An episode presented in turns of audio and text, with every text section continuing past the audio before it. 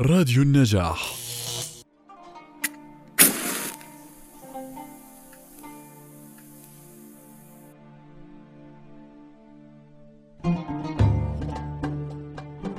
مرحبا عزيزي المستمع. أنا طيب العمد تسمعني عبر بودكاست مشكاة من راديو النجاح. أحمل مشكاتي وأجول بالحياة لننير سويا فكرة ونص. تمت هذه الحلقة بعد أن سمعت وقرأت وشاهدت فكتبت. عنوان حلقتنا لهذا اليوم هل تحبني؟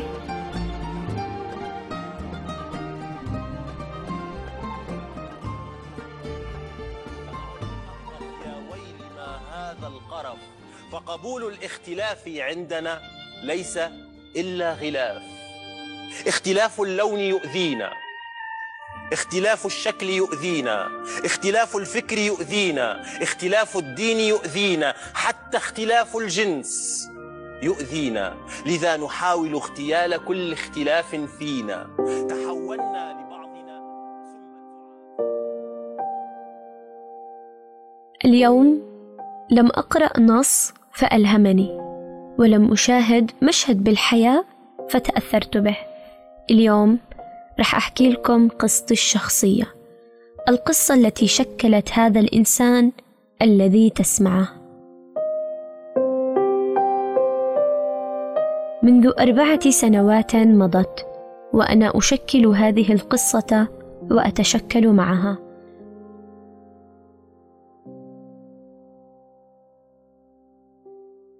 طيب ذات الثمانية عشر عام. تحمل حقيبة سفرها وجوازها لتسافر للمرة الأولى وتترك كل شيء خلفها لتركض نحو مستقبل مجهول لطالما تخيلته قبل نومها.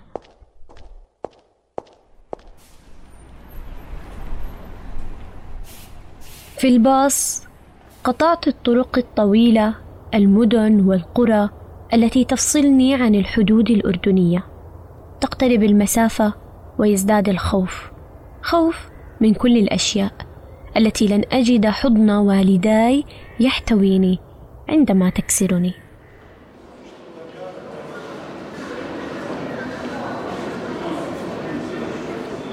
عامي الأول في الجامعة في مجتمع غريب لا أعرف منه سوى طريق بيتنا الصغير الخالي من العائلة. مجتمع مليء بالاختلاف عن ذلك الذي ولدت وتربيت به. الأشخاص مختلفون. العادات اللغة النظرة. صداقاتي كانت دائما تبوء بالفشل.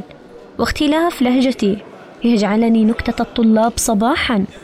واسمي الغريب قد يشعل بيني وبين الدكتور حربا. وحجمي الذي يجعلك تظن أنني في الصف العاشر كما يقولون كان محور الحديث غالبا. مرت سنتين وثلاث وأربع. الاختلاف لا زال. ولكنني تقبلت. تقبلت هذا الواقع الجديد وهذا المجتمع وهؤلاء الأشخاص. تقبلت اختلافي ولا أخجل منه. وتقبلت صفات الرفاق التي لن تكون دائما على مقاس مسطرتي الخاصة. أصبحت صداقاتي أنجح وشخصيتي أقوى. وتفوقت وتخرجت وصرت مدركة تماما أن كل ما تقبلت الأشياء من حواليني كل ما هي تقبلتني كمان.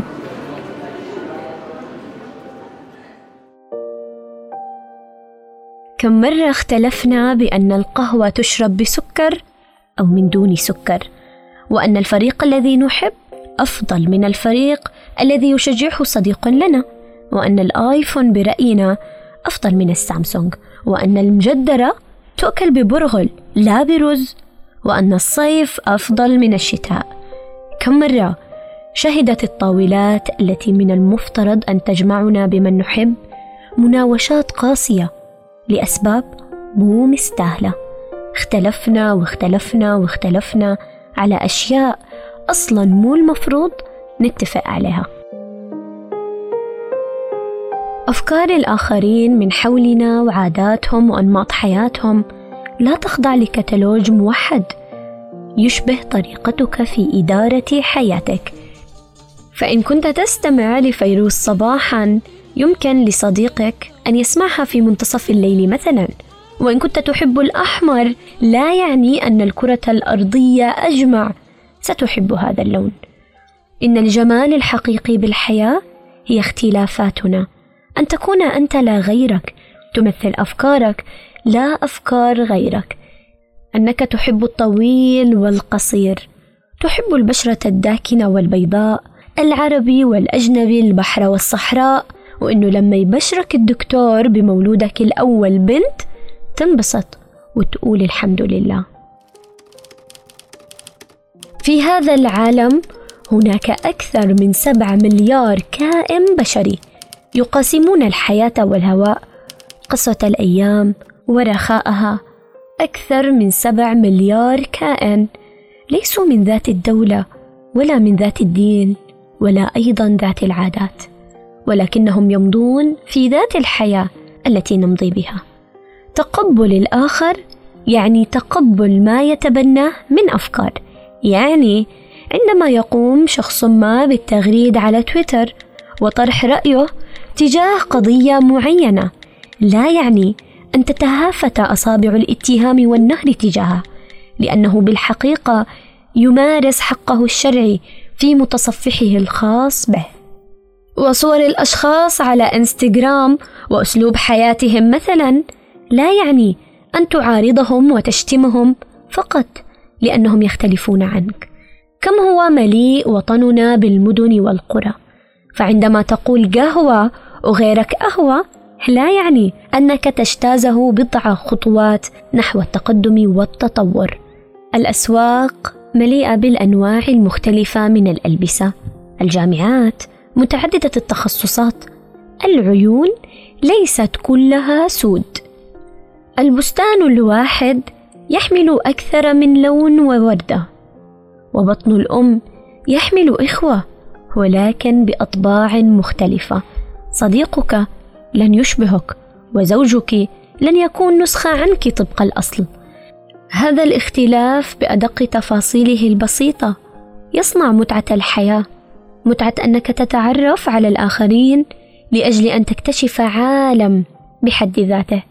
تخيل تخيل أن تسافر من بلدتك لبلدة جديدة وترى نفس المناظر التي كنت تراها كل يوم. وأن تستمع لذات الأغنية يوميا للأبد وأن تأكل ذات الطعام حتى الممات وأن تقرأ ذات الصفحة كل يوم من الكتاب. ألا يبدو الأمر ممل؟ والأمر كذلك. أن تكتشف الآخر وعيوبه. تكتشف اختلافاته التي لا تشبهك. وروتينه ومعتقداته وشكله أيضا. أن تعطي لنفسك مساحة للاستمتاع بالاكتشاف. ألا تجعل من نفسك ناقد وألا تبحث عن نسخة مكررة منك.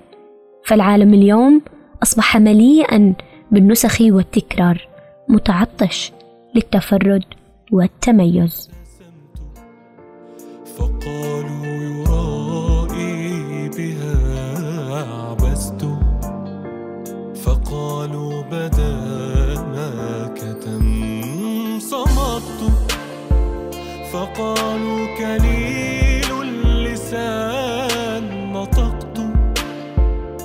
فقالوا كثير الكلام. حلمت.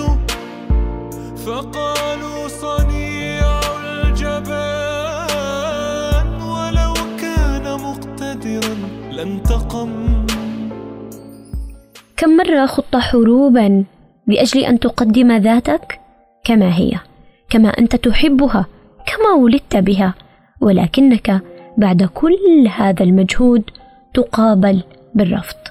يرفضوك فتكسر وتتحطم. تقرر أن تغير هذه الذات أن تصنع من نفسك شيئا. شيئا لا تعلم ما هو أو كيف تتعامل معه. شيئا يعجبهم يرضيهم. شيئا يجعلك تشعر بالانتماء بينهم. لأنك لولا الانتماء ستشعر أنك هامشا أو رفا قديم أو شيئا غير مرئي. وحين تتغير وتصل وتتعايش ستجلس يوما لتكتشف أنك قتلت ذلك الشخص وهو على قيد الحياة. كم مرة كان طولك غير الطول المرغوب به؟ ولون بشرتك لم يكن اللون المقبول على حسب تصنيف المفرق. وديانتك ليست كما يجب وتاريخ حياتك وسلالة عائلتك وأصولك وما ترتديه. ليس كاف لأن يحبوك. كم مرة أصبحت لا أحد قبل حتى أن تتاح لك الفرصة بأن تكون. كم مرة ومرة رغبت بأن تكون هواء لتتلاشى. رفضنا للغير ومطالبتنا الدائمة لهم بأن يتغيروا لا لأنهم فعلا يحتاجون هذا التغيير وإنما رغبة بداخلنا بأن لا نرى أي شخص مختلف ولو كان هذا الاختلاف لا يؤذينا. متأكدة بأنني عندما أنهي جملتي هذا سيكون عدد حالات الانتحار قد ازدادت. لأننا نرفضهم فيرفضون أنفسهم فيلجؤون لإنهاء عقدهم بالإجبار. We've just been insanely trying to figure out how to live with each other, billions of each other. Only we're not living with each other. Our crazy selves are living with each other and perpetuating an epidemic of disconnection. Let's live with each other and take it a breath at a time. If we can get under that heavy self, light a torch of awareness, and find our essence, our connection to the infinite and every other living thing. We knew it from the day we were born. Let's not be freaked out by our bountiful nothingness. It's more a reality than the ones ourselves have created. Imagine what kind of existence we can have if we honor inevitable death of self, appreciate the privilege of life, and marvel at what comes next. Simple awareness is where it begins. Thank you for listening. في رحلة السعي لتقبل الآخر هناك عدة مراحل. مرحلة الإنكار. هي أن تنكر الاختلاف. لونه أسود. قصيرة زيادة عن اللزوم. ما في تتجوزي هذا من العيلة الفلانية. وفي المرحلة التالية هي مرحلة الإقصاء. تقول زين الكركي المتخصصة في القيادة التعليمية والتواصل عبر الثقافات في مقالة نشرتها في جريدة الرأي. من أبرز الأمثلة على هذه المرحلة هو التفكير الإسلامي الذي يرى الحقيقة والنور محصورة في فئة معينة من البشر ويتناسى هذا الفكر سماحة الدين والفكر الإسلامي باحتضانه لجميع الأعراق والأصول. ثم نأتي لمرحلة التغاضي. تماما كما حصل بين المهاجرين والأنصار في المدينة المنورة حيث تغاضوا جميعا عن اختلافاتهم وركزوا على هدف واحد وهو توحيد الإسلام. والمرحلة الأخيرة هي مرحلة التكيف وهنا يظهر التقدير للاختلاف وضم هذا الشخص للمجموعة. ومرحلة الترجمة الإسلامية خلال الخلافة العباسية من اليونانية للعربية كان أكبر وأبرز مثال لهذه المرحلة حيث زاد الانفتاح والتعايش وقبول ثقافة الآخر.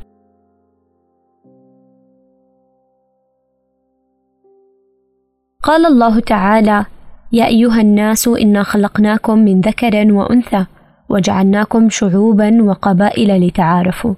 إن أكرمكم عند الله أتقاكم إن الله عليم خبير. خلقنا مختلفين لنتعارف لنحترم بعضنا البعض لنقبل بالآخر ولا نصدر الأحكام المسبقة.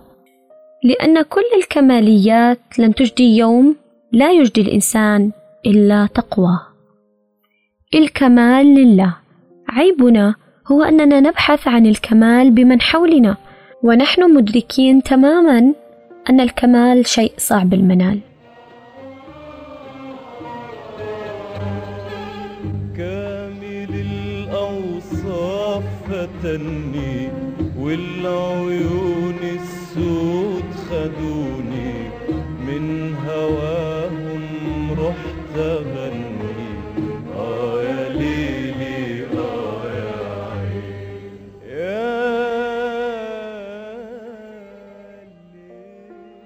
لن تجد صديق كامل ولن تجد تفكير كامل حتى أنت لست كامل. فلماذا ترفض الآخرين وترفض ذاتك ولا تقبل إلا بالرفض؟ يقول أنيس شوشان دعونا اليوم نجرب أن نغوص فينا في أعماقنا. دعونا نجرب أن نعانق أرواحنا أن نجرب في معانقة الأرواح اختلافنا. ها أنا أمامكم بلوني بشعري بشعري بأطواري بأفكاري. أنا لا أخافكم. أنا لا أخاف اختلافكم عني لأنني منكم وأنتم مني. دعونا نخلق فن. دعونا نغوص في الحلم. لنرسي ثقافة بلا سخافة. ليكون الرقي فينا هو أسمى خلافة. دعونا نذوب الأعراف والأجناس والأطياف والأفكار والأديان ولا نرى سوى الإنسان. نحن نختلف. نختلف بنطق الكلمات وطريقة ممارسة الحياة. نختلف بالديانة وبالعرق ونختلف بالطموحات والتطلعات. نحن نختلف بالأجساد بالأطوال بالقياسات والأذواق. بآرائنا السياسية ومعتقداتنا. بالكتب التي نقرأ والأغاني التي نسمع نختلف حتما بكل شيء لأن كل منا يمثل كيان متفرد ولكننا في آخر الحكاية نبقى على اللبنة الأولى إنسان. إنسان يحب الانتماء يحب الحب يحب القبول يكره الغربة يكره الرفض فلنقبل ببعضنا كما نحن. سنموت حتما وستبقى هذه الأرض خالية. فلنساعد بعضنا على تحمل ما تبقى من هذه الحياة. أنا أحبك كما أنت فهل يمكنك أن تحبني كما أنا؟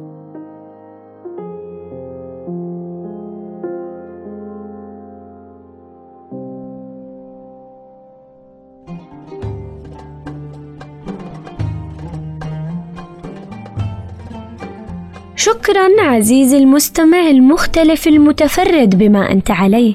شكرا لاستماعك لهذه الحلقة. كنت معكم من الإعداد والتقديم أنا طيب العمد ومن الهندسة الإذاعية أسامة صمادي. إلى اللقاء.